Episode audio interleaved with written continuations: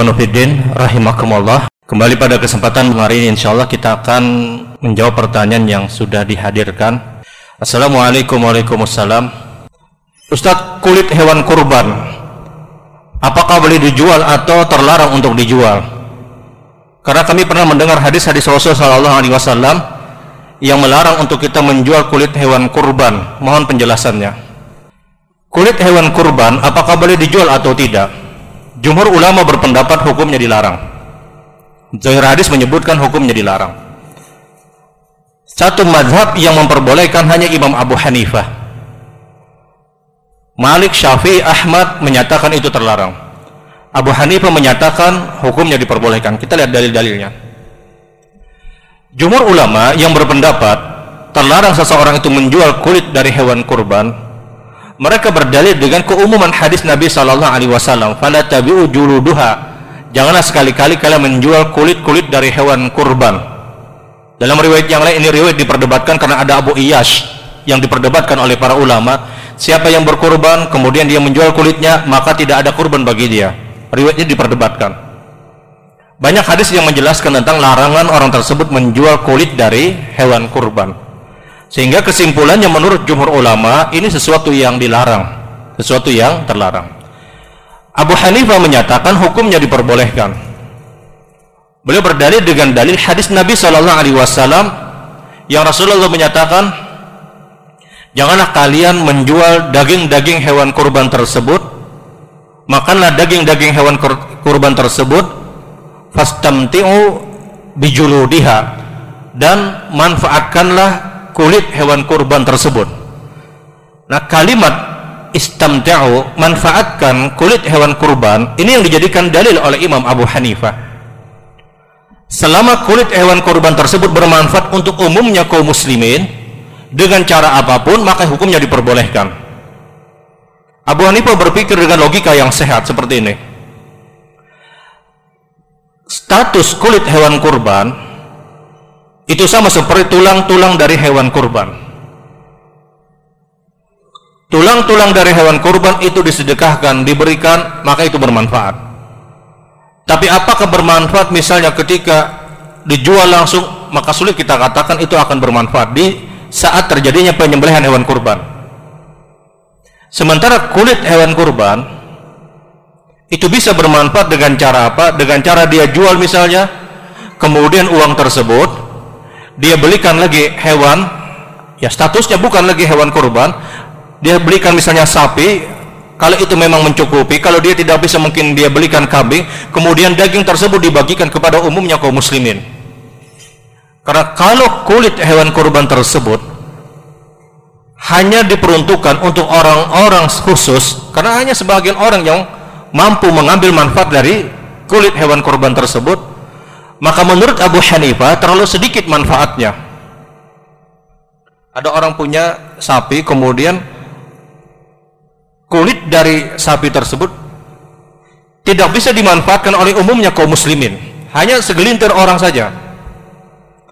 Nah segelintir orang yang mereka mengambil manfaat tersebut tidak mencakupi hadis Nabi Shallallahu Alaihi Wasallam tadi kata Imam Abu Hanifah yang semestinya kulit tersebut bisa dimanfaatkan oleh umumnya seluruh kaum muslimin dengan cara apa? Tidak ada cara yang lain kata Imam Abu Hanifah kecuali dia jual kemudian uangnya dia belikan misalnya sapi, dia belikan kemudian kambing misalnya dan dia bagikan daging kambing tersebut kepada umumnya kaum muslimin dan ini bermanfaat. Jadi Abu Hanifah berpendapat kalimat manfaatkan kulit dari hewan kurban beliau mengambil kalimat manfaatkan tersebut untuk umumnya kaum muslimin bukan untuk orang-orang yang hanya punya kemampuan khusus untuk memanfaatkan kulit dari hewan kurban. Alasan yang kedua seorang imam Abu Hanifah melihat hadis tadi. Kita lihat hadisnya. Siapa yang berkurban jangan menjual kulit dari hewan kurban. Tapi manfaatkanlah kulit hewan kurban. Yang dilarang siapa? Yang berkurban sekarang fakta di lapangan adalah ada orang-orang yang berkorban, kaum muslimin berkorban. Dia banyak banyak kaum muslimin berkumpul kemudian mereka berkorban. Dia serahkan sapi kurban tersebut kepada panitia-panitia kurban. Selesai. Keadaan ketika itu statusnya adalah dia telah berkorban dengan satu ekor sapi misalnya. Beralihnya hewan kurban sapi tersebut kepada panitia hewan kurban ini sudah memutus muamalah dia maka kulit yang diterima oleh panitia tulang-tulang dari daging tersebut tulang-tulang dari hewan kurban yang diterima oleh panitia panitia pun berhak untuk tasarruf untuk bermuamalah dengan bebas. Artinya si pekurban dia bukan berada pada posisi menjual. Tapi siapa yang menjual? Panitia hewan kurban.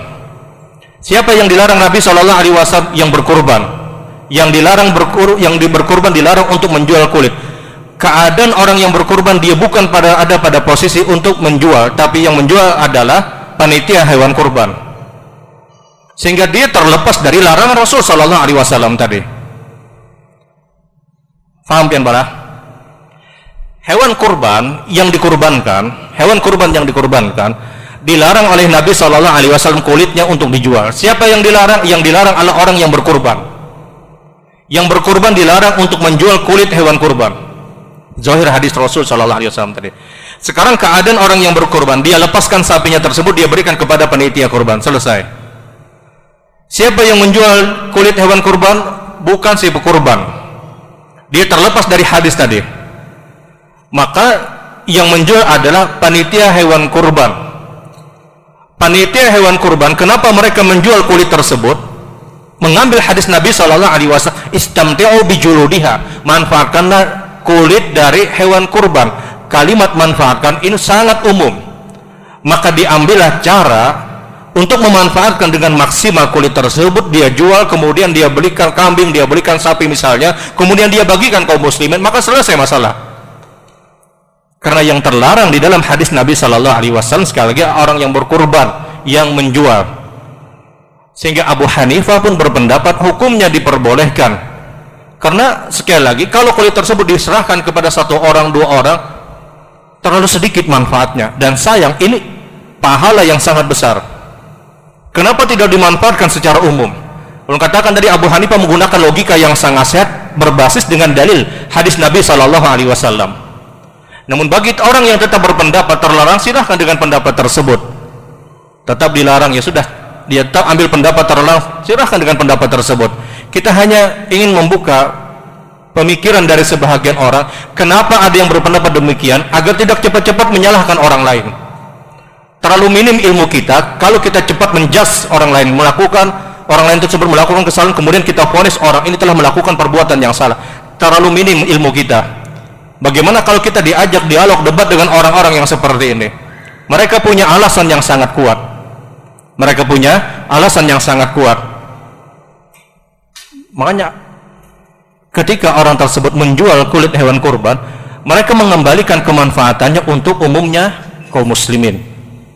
Karena sekali lagi yang terlarang tersebut adalah si pekurban. Dia yang terlarang.